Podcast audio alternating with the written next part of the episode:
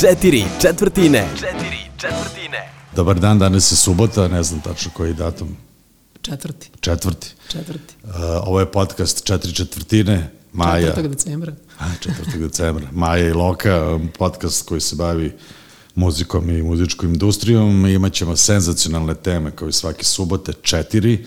Uh, prva će biti priča o Tidalu i user-centric modelu koji oni uvode jedan od svojih pretplatničkih nivoa. Druga je... BMG kupio Motley Crue prava. Viš nije loše ide. Ova treća će da bude tema, bavit ćemo se malo potražnjim za vinilima i nemogućnošću da uopšte industrija proizvede tu količinu koja se traži. I preraspodela Sokojevih e, naknada. To je vrlo zanimljivo. Soko je ovaj, veliki znak pitanja, mada ja mislim da u poslednje vreme su sve bolje i bolje. No, da krenemo od početka. Dakle, Tidal, jedan od ovaj, muzičkih streaming servisa, uvodi od ovog meseca u, u ponudu nešto što se zove user-centric model. Tu moramo da napravimo razliku između ono uh, service-centric koji je sada dominantan na svim servisima i ovo što Tidal hoće da uvede, to je, odnosno što je uveo, to je user-centric model. Suština je u sledećem danas, kada od svih para koje se skupe od pretplate na na nekom streaming servisu prvih 10% pokupi praktično 90% prihoda. Tako da ti, ja ako platim nemam pojma, 10 eura svoju mesečnu, ovaj, kako se zove, Pretplatu. pretplatu, uh, 9 uh, eura od tih 10 koje sam ja platio će, će praktično raspodeliti na prvih Misliš, 1% Ad- izvođača. Adele i ABBA. Tako, Adele, ABBA, Drake i svi ostali. Tako da je, uh, to je, kako bih rekao, ovako sad kad se gleda sa strane, čini se nepravedno i to je dovelo do situacije da samo recimo 7-8 hiljada izvođača od ukupno koliko ih ima, ne znam sad tačno ću ti reći, ali recimo ima 8, koliko ima, ima 8 miliona izvođača trenutno je na, recimo na Spotify, samo 7800 uspeva da zaradi godišnju platu i da od toga živi. Znači da ogromna većina 99, koma i nešto posto praktično ne može da, da živi od prihoda koje stvaruje preko streaminga. Tako da je veliki pritisak od strane ovaj, izvođačke, ovaj, da kažem, e, kaste, da se taj da se taj model promeni. Evo Tidal od ovog meseca uvodi u svom najskupljem nivou pretplate, znači u Hi-Fi koji su sad uveli taj takozvani user-centric model koji znači da ono što slušaš, taj izvođač i prihode. Znači, ako ja platim 10 euri, samo slušam i play, što vjerojatno ima i takvih, obzirom na tvoj veliki fan base, uh, sve će pare otići tebi, minus ono što, ovaj, kako se zove, servis ovih 30% uzme, uzme sa, kao svoj, svoj podelu prihoda od svega toga, što se čini da je nekako poštenije, odnosno da samo iz, da a, od para koje ti platiš za streaming, te pare idu izvođačima koji se sluša, a ne onim najpopularnijim u tom trenutku. Ne znam šta ti misliš, šta je bolje. Znači da pređemo na, tog, na tu platformu. Pa, Mislim da slušamo sa te platforme. Da, ba, I ima da sad plaćamo. do različite škole mišljenja, neki kažu da će to biti još gore, zato što još nema dovoljno podataka da bi mogli da se izračuna ovaj, šta će tu zaista da se desi, ali ovako bih rekao iz, iz, iz ove ptičije perspektive, ako sam pogledao da ozgo, to deluje na prvi pogled poštenije, jer ovo je sad stvarno, mislim, pr- praktično nemoguća situacija da ovih prvih 100 ovaj kupi 90% prihoda, mislim da to, da to nije dobro izbalansirano. Mislim, ovi koji su imali da uspeha, pa ne, da, ovi koji su imali uspeha na, ovaj, na streaming servisima u poslednjih 5-6 godina, kada je to zaista eksplodiralo, jako su dobro profitirali od svega toga, ali ja mislim da će se da će to morati da se menja, jer prosto ovako je sistem ostaje neodrživ, mislim, doći će do pucanja, neće više biti interesa da se da se pravi muzika koja se streamuje. Jer prosto, kako bih rekao, ako ne može, ako 90% izvođača ne može da zaradi godišnju platu od, od, od, od, od streaming servisa, onda smo zaista u problemu. Da, dobro. Dobro je kad braniš izvođača. To mi je Pa skroz, ja sam uvek na strani izvođača. to mi Kako? je skroz okej. Kad si sam izvođač. pa naravno, ja sam, vidi, znaš šta, sad ću ti kažem, ja sam ovaj izvođač od 1984. godine sam učlanjen u udruženje ovaj, jazz, rock, pop. A Plaćaš članarinu. Pa plađe nego me ne zovete na ovo da mi udarite neku plaketu, ja bi trebao da dobijem sad neku, znaš, ono za, za ove kao veteransku. Pa treba bi ako Morat plaćaš ću, znači ja članarinu. napišem molbu, da se žalim malo, da, da ste me potpuno, kako bih rekao, igno, ignorišite. Ja sam od 84. član. Tad nisi mogao da kupiš instrument dok nisi član. Znaš? Ne znam kako to. Pa, to je, znaš, e, u 80. kad sam ja počeo da sviram, e, nije bilo stranih instrumenta, bilo je samo iz istočne Evrope, znači češki, zapad, ono istočno-nemački i ruski instrument. Ako si teo da uvezeš instrument sa zapada, morao si da budeš član odruženja muzičara i da ti onda, onda plaćaš članarinu, te oni izdaju neku potvrdu i onda sa tim si mogao da uvezeš instrument iz inostranstva. Tako da ovaj, svi ti Fenderi i Gibsoni koji su se svirali 80-ih su bili uglavnom ili švercovani ili, su, ili se do njih jako, da. jako, jako teško dolazilo. Tako da sam ja ovaj, ovaj, se učlanio da bih kupio svoju prvu Fender Telecaster gitaru koju sam negde nesrećno izgubio protokom vremena. Kaži ti meni, ti više znaš o uh, BMG-u i to kako je kupio pravo Motley Crue? Pa BMG je jedna, jedna čudna zverka, mislim, BMG čas postoji, čas ne postoji, to je praktično ogranak Bertelsmana koja je velika nemačka izdavačka kuća, mislim, za knjige, no? Ovo, onda su oni tokom nekoliko navrata, tokom zadnjih 30 godina pokušavali da uđu u muzički biznis, čak su jednom trenutku imali neki joint venture sa Sonyjem, pa se to zvalo Sony BMG, pa su se onda ugasili, sada su ponovo pre jedno dve, tri godine se vratili u život, odnosno pre pet već, vratili u život, ponovo su dobili neke, neke ozbiljne pare od svoje majke kompanije, od Bertelsmana nemačkog i krenuli su ponovo muzički biznis, ali uglavnom kupuju B katalog, odnosno otkupljuju kataloge, ovaj, kako se zove, izvođača koji sad nisu, ajde kažeš, u svom, u svom piku, ali imaju dovoljno veliki fan base i ima smisla ovaj, kako se zove, ulagati u njih, tako da je najnovija vest od tih svih silnih akvizicija kataloga u poslednjih godinu dana je da je Motley Crue uspeo da proda BMG-u svoj ceo, celokupan katalog snimljene muzike, znači ne pričamo o publishingu i autorskim pravima, nego samo o snimcima grupe Motley Crue, znači albumima, živim albumima, kompilacijama i svema ono ostalom što su imali tokom karijere, za vrlo visoku sumu, jedni izvori kažu 70 miliona dolara, drugi kažu da je čak preko 100 miliona, da li je 70 ili 100 ovaj, iz naše perspektive je spektakularno da. mnogo. Ove, I to je, kako rekao, još jedan dokaz koliko naša industrija ovaj, ima potencijala, posebno ako je projektovano na neki srednji ili duži rok, obzirom da je ovaj streaming jako ne raspodeljuje baš ovaj, kako zove, najbolje moguće da je neka budućnost muzike i da će da investitori veruju da od muzike u budućnosti može da se zaradi. Pazi, dobar je to ono, potez s obzirom da taj bend nije odavno više na, u piku i te, to je čak suprotno. Pa da ali da mogu takav potez postoji da, ali ima neka logika, znaš, mi to ovde na našem tržištu ne možemo da osetimo u potpunosti. Mislim, Motley Crue je svetski band, funkcioniše na, na globalnom nivou, oni sigurno prave neke cifre sada i u streamingu. Tako da ja mislim da još uz malo bolje, kako bih rekao, tu redistribuciju kataloga, prepakivanje pa kataloga, pravljenje neke nove streaming strategije, ja mislim da na, na duži rok ovaj, to će se sigurno isplatiti obzirom na rast koji muzička industrija doživljava iz godine u godinu. Um, pa mislim, nisu ni tako mali, evo, vest koja je išla uz, uz tu ovaj, ekviziciju kataloga je bila da oni su kreću na stadionsku turneju sledeće godine po Americi, tako da oni imaju onako, što kaže, die hard fan base koji dan danas prati taj band. Da, Inače, da, čoče, ja sam u fazonu da idem na Europe. Majke mi, gledam tako Al, da. te bendove koji su bukvalno zamrli, a znam ih iz mladosti. A što baš Europe? Pa zato što sad nekako nešto se desilo, verovatno sam nešto pogledala na Facebooku i odjedno me Facebook poliva tim informacijama vezanim za Europe. Pa vidi, to je opasno na tom Facebooku, ja bih da. pobeg zamislio da, pa čekaj, nema ni Europe, ti još molim te. Pa ne, pa slušaj, sledeće, ako krene koncertna sezona, idem na sve. Aha, sve dobro. u regionu i oko regiona. Ali vezano za ove investicije, teo sam da kažem jednu stvar. Mislim da, kao i uvek što mi istorijski promašimo nešto, Uh, mislim da bi to bila jako velika šansa i za ovu našu nesređenu diskografsku situaciju u regionu kada bi se sva ta prava koja su nastajala u tim društvenim firmama tokom onih tokom socijalizma, kad bi se na neki način uh, vratila tim stvarnim titularima, da li su to bili menadžeri ili izvođači, da nekako da se vrate u optica i sigurno bi se našlo dovoljno investitora koji bi bili zainteresovani da, da investiraju u eksploataciju tog kataloga, što bi bilo prvo, industrija bi bila mnogo dinamičnija, mnogi bi zaradili dosta para od toga, puno bi se para slilo u muzičku industriju, to bi bilo jako, jako dobro. Evo, taj proces se dešava bukvalno svuda u svetu, jedino mi i dalje kuburimo sa tim koje, ovaj, čija prava ima i šta se tu dešava i tu se vode neki besmisleni ratovi,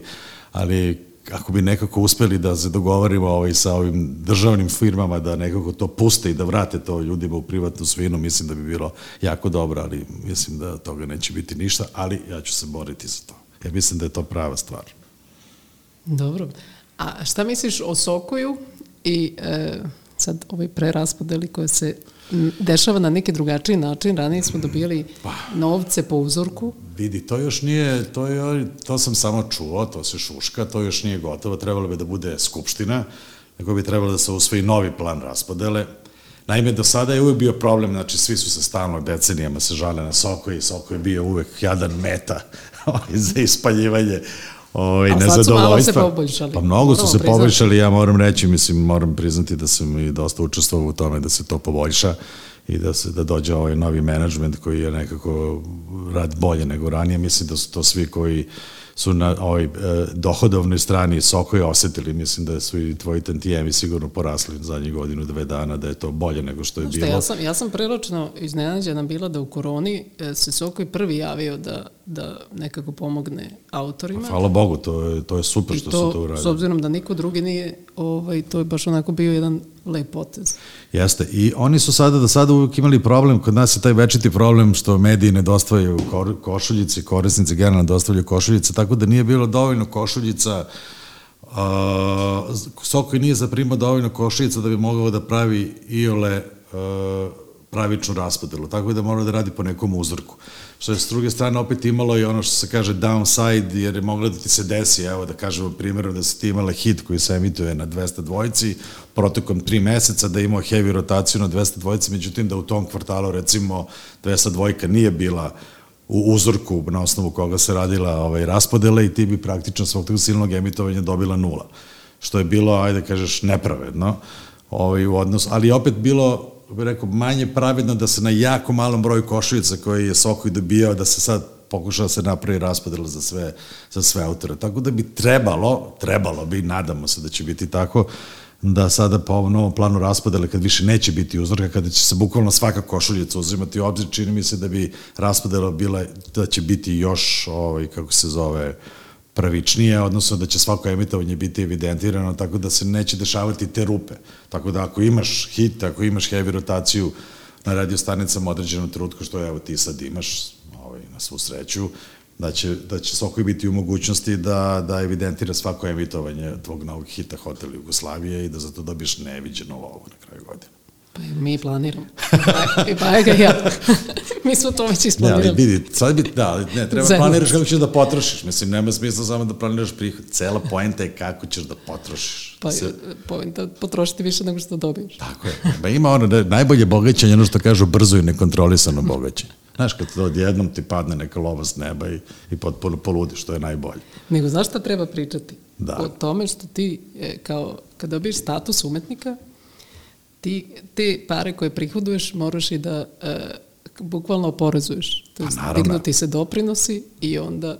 Pa znam, ali vidim, ja sad da budemo iskreni. Pa ne možem, mislim, ovde je 90% učesnika u muzičkoj industriji ne želi da plati porez. I to stvara užasno veliki problem. Postoji navika neplaćanja poreza.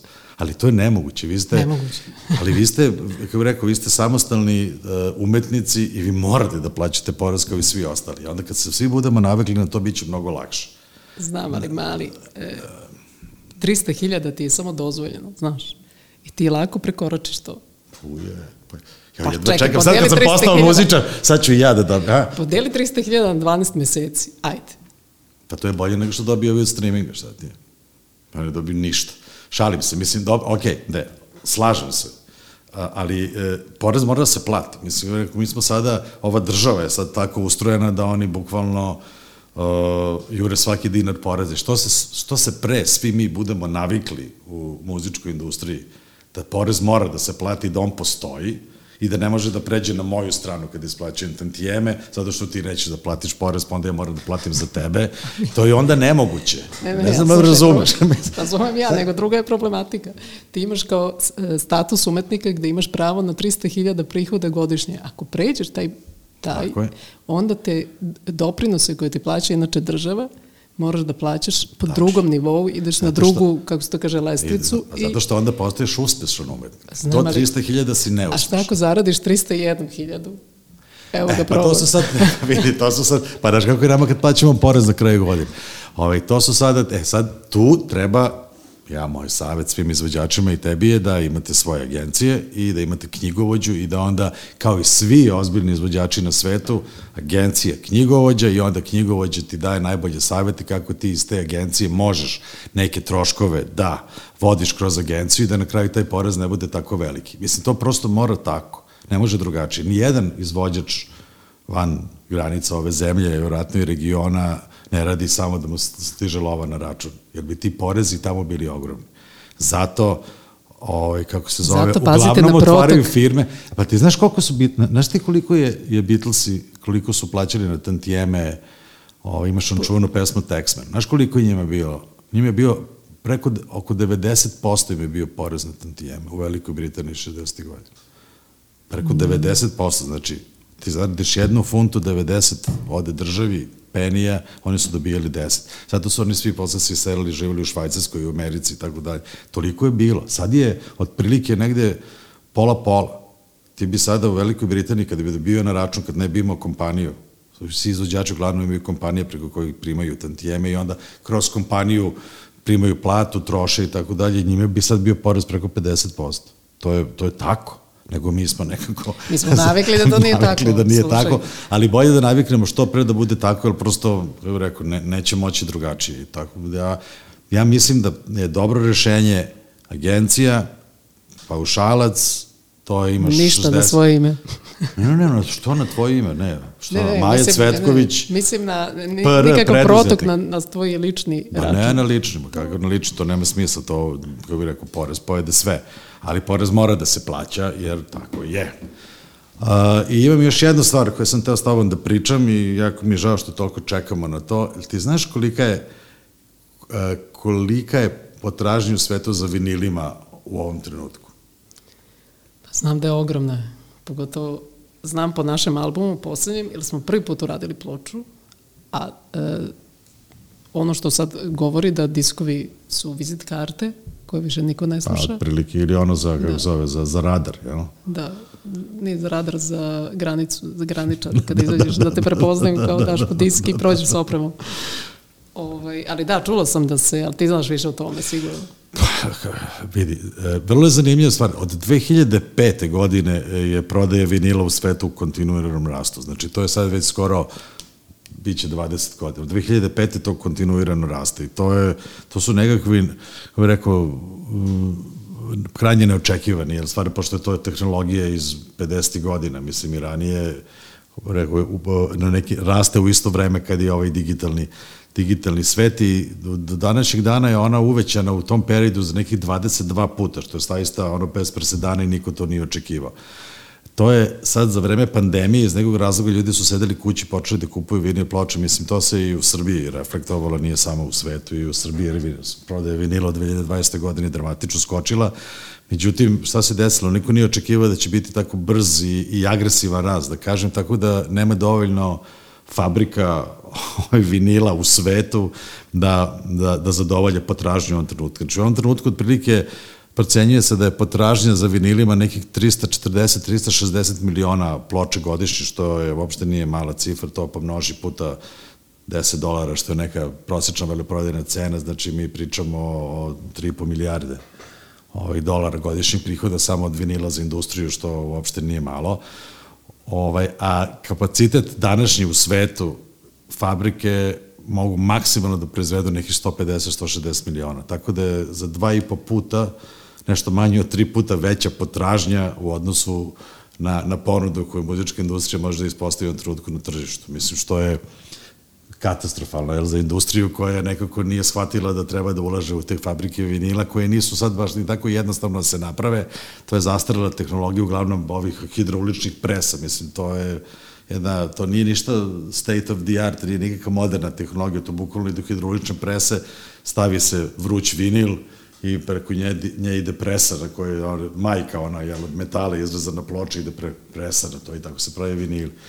I tako da ti ne možeš da odeš u fabriku odeš u neku, nema pojma na neki sajam kažeš hoću fabriku vinila, to mora neko da ti isprojektuje, neki inženjer da ti napravi i da ti to imaš. A šta je bilo sa onom PGP-ovom? Pa ja ne znam, tu su neke raznorazne ove legende idu da je prodata za celofanerku, da je u nekom bartel diru, ne znam šta, rasformirana. To, to je tokom 90. godina prestalo da funkcioniše.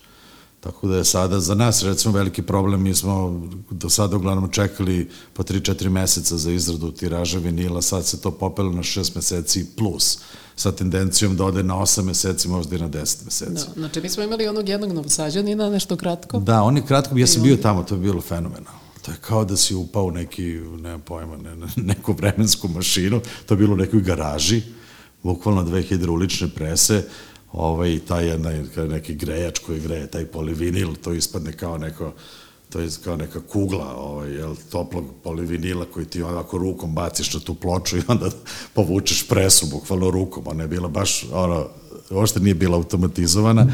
Pravili su te ploče, to je jako kratko trajalo, oni su tu bili jedno šest meseci, godinu dana i ne, nešto nestali, ne znam šta se desilo sa njima. Ali teo sam da kažem da je, da je to dosta veliki problem, pošto mi žao mi je, jer mi recimo na, na našem tržištu nema dovoljno domaćih izdanja na vinilu, trebalo da bude mnogo više. Potražnja je baš velika, ali čini mi se da nećemo uspeti da da, kako rekao, uh, isporučimo i da da, do, do maksimuma iskoristimo potražnju tržišta u ovom trenutku, prosto nećemo moći da napravimo sve te ploče. Meni sad treba da bi, kad bi sada krenuli u pripremu, to je praktično računje za 10 meseci do godinu dana da se nešto pojavi na tržištu. To je planirati, planirati ovaj, izdanje u takvom vremenskom periodu je jako komplikovano. Moguće da se do tada potpuno izgubi interes za to izdanje. Kako ga marketirati? Ti sad pustiš da danas završiš album i ti kažem, ajde maj da bi izašao digitalno i vinil, isto vreme čekamo još godinu dana. Ti bi rekao da si ti normalno. Razumeš? Ili sad pustimo album digitalno pa kao čekamo vinil za godinu dana. Mislim, kako rekao, teško je marketinški ovaj, povezati tako udaljene dve vremenske da, da. tačke. Da. Znaš, tako da je to, mislim, to je dosta veliki problem. Ne znam kako će se rešiti, jer prosto ne može da se napravi toliko fabrika u kratkom vremenskom periodu da, da zadovolje svu tu silnu potrebu. A potreba je dalje raste.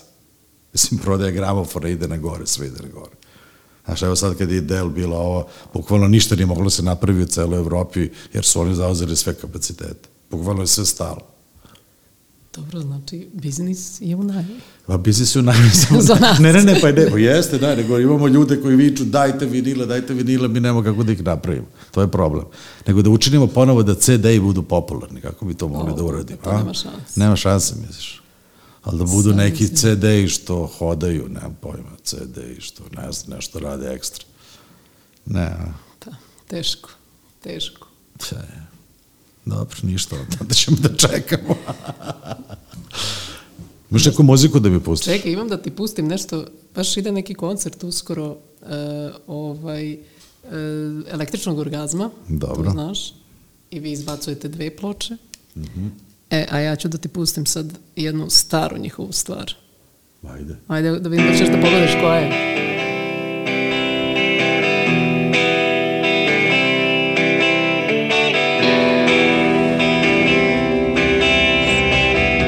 Mogu da kažem. Pa, pa kažem. Da Seks, droga, ja. nasilje i strah. Jej!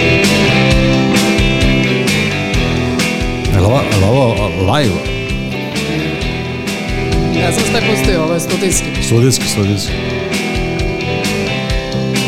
Inače, ko ne zna, Uroš Bogdanović je sa nama. Koji je ovo album beš? Ovo ti je sa albuma uh, muzika, uh, muzika za film, TV i uh, muzej. Aha, to je za ovog našeg albuma. To je za vašeg. Ko još može da kaže da je probao to inače, da te obavestim, izlazi desetog kod tebe. 10. decembra. Stigli su do godine. Super je Gile. Znaš ti da uh, uh, bismo se upoznali u aprilu 1980. godine? U, tad sam ja rođena. Da. Stvarno? Majke. Si mlada. Znači, uh, ja sam, uh, moj band Urbana Gerila je svirao na, ovaj, kako se zove, na Pajlovskoj prijadi kulture, da smo bili diskvalifikovani, a Gile je bio u publici, ovaj, odnosno bio je ispred benda hipnotisano pile, još nije bio električni orgazam i gledao nas. A? Viš ti to, ta generacija je bila fenomenalna i ceo taj band u kom si ti počeo. Pa, hvala ti. Ali dobar je Gile. E, to, on je nekako kontinuirano uspeo da, da funkcioniše sve ove godine, stvarno svaka mu čast. Ja da čekam taj koncert, moram reći. Da, koncert je 9. a ovo kod tebe 10. Čoveč. I to 40 mesec- godina električnog gaza. 40 godina nečnog razma, majko mila. A koja je tebi omiljena njihova stvar? Ovo ili nešto drugo? Jo, papagaj. Papagaj? da priznam, da. A dobro, ti si, da, ti si ono, mala devojčica. Ja da, sam da. pankera. Da, da, da, da, pankera. Ali sad kad smo svirali sa njima u Nišu na Nisovni, Zlatni papagaj se svirao, ali jedno, boga mi, usporeni duplo. A jel? Da, bio je onako šmekerski odsviran, ali usporeni. Ja sam ga molio, znaš, kad je Crna lista ovaj, imala svoj debitanski koncert uh, 2019. u decembru kao predgrupa grupi Parov, ovaj, da, da nas pusti da sviramo, ovaj, tad je nam trebalo da svira taj 40-godišnji koncert i zamolio sam ga da nas pusti budu predgrupa Parov, ali man nas je odbio, kaže da smo mnogo bučni. Predgrupa bučni od glavne. Tako da sam taj argument uzeo u obzir. Super, jedva čekamo, znači 10. decembra uh, električni Vinili. orgazam u Vinili u prodaji, a devetog su u Kombak dvorani. U Kompak dvorani, da. Devet, Live. Live, električni orgazam, 40 godina, ljudi, pohvalite, kupite karte, ostalo je još malo, a ja ću tebi da pustim nešto što me jako obradovalo. E, to je jedan strani izvođač, jedna mlada devojka, ima samo 17 godina. E, Pročitat ću ti prvo ovaj, prvu, prvi, prvu strofu na, na engleskom, jel mogu? Ajde, može. Evo ovako ide. F you, fuck you, and your mom, and your sister, and your job, and your broke down car, and all the stuff that you call art. Fuck you and your friends. I'll tell you, I'll never see you again. Everybody but your dog, you can all fuck off. Znači, Prava ljubavan. prava ljubavna. Ali pas je pošteđen. Pa. Pas je pošteđen. Šta je poenta? Šta ste da kažem? U poslednjih 3-4 meseca su ovaj, alternativne i underground rock muzika je počela nekako da se vraća u američki mainstream, eh, što ja sam ja zaista čekam već evo 5-6 godina da sa, sa ovih rita mašina se vratimo na bubnjeve ovaj, i posle benda Surf Curse i još nekoliko, nekolicine njih, Machine Gun Kelly i razorazni bendovi iz kalifornijskog ovog novog panka, evo imamo jednu klinku iz Nashvilla, pa da čuješ kako ovo zvuči. Fuck you, any mom, any sister, any job, any broke ass car, and that shit you call art. Fuck you, any friends that I'll never see again. Everybody but your dog, you can all fuck off. I swear I meant to mean the best when it ended. Even tried to bite my tongue when you start shit. Ali ova nežno izgovara ovo. Da, da, da. Sam ja bio grub. Fuck you. Sad ću čuješ. Dated a girl that I hate for the attention. She only made it two days, what a connection. It's like you do anything for my affection. You go Za one koji zanima, pesma se zove ABCDFU, znači izvođač je Gail i pogledajte video, video mislim da nije koštao više od 1000 dolara, što je još jedna dobra vest. Da ne mora više trošimo ove budžete na one plesačice i to. Mislim, malo da postane zabavnije.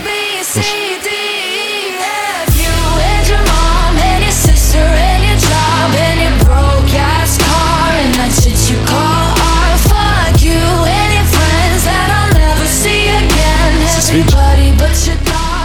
Pa, nemam odnos.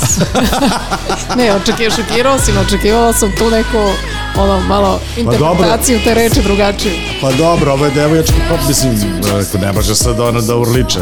Meni se sviđa što tako suptilno to isporučuje, znaš. Ali je ipak fuck you, nije, znaš. Meni se sviđa, meni se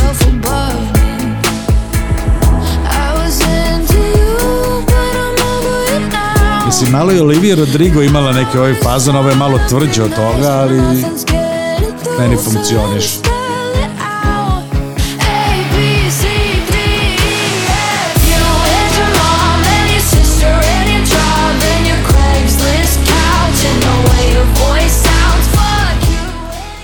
Ne, ne, ne mogu te pogoditi s muzičkim ukusom. Pa dobro, gde si našao ove nežne? A ti voliš da... Aha, sad ću da nađem nešto neviđeno bučno za sledeći put. Pa ne, pa mislim, ovo sam stvarno mi je bilo bitno, znaš, klinci, punk, Ne, tekst rock and roll, tekst je simpatičan, tekst je super, muzika i odmah kreće u glavu, znači nema, znači odmah to, što ono umu, to ono drumu, kad te ostavi dečko, može samo ovako, nikako drugačije. Samo Mislim, kuća to je rock and ostaje neoštećeno. To je super, kuća je, kuća je poštećena. da. Da. Uh, dobro, ovo je ta subota, mislim da smo ovaj, uh, prečešljali uh, najbitnije stvari, po našem skromnom mišljenju. Imaš nešto da dodaš? Tako je. Pa, imam za sledeću. Za sledeću, da, da nećemo sve da kažemo. Pošto Moramo imamo- se dotaći one nove godine. Koje? Koncert. Da će ga, a, da, da, da, da, da, naravno, da, da, da. A da totalni poraz rock'n'rolla, da, da, da, da, svi ovi što Kako su je se umro nadali. rock'n'roll za Novu godinu, Da, da, kako da je umro, da, da, pa to je to, da. Ja se često setim ovoga i završavamo. Znaš, kada su ovi, ovi, kako se zove, ova moja generacija rockera, kad je 91. pevala, nećemo da pobedi narodna muzika, mislim, 20 godina kasnije, mislim da, da, je, Ja, ovaj, da se desilo nešto drugo, mislim da će ovo biti ono, zakucavanje eksera u, u, u, ovaj, u Kovčeg, ono što će desiti 31. u Beogradu. Uh, drago mi je da nas slušate ovako neviđeno velikom broju. Tako je, hvala vam. Uh, čujemo se sledeće subote. Četiri četvrtine. Četiri četvrtine.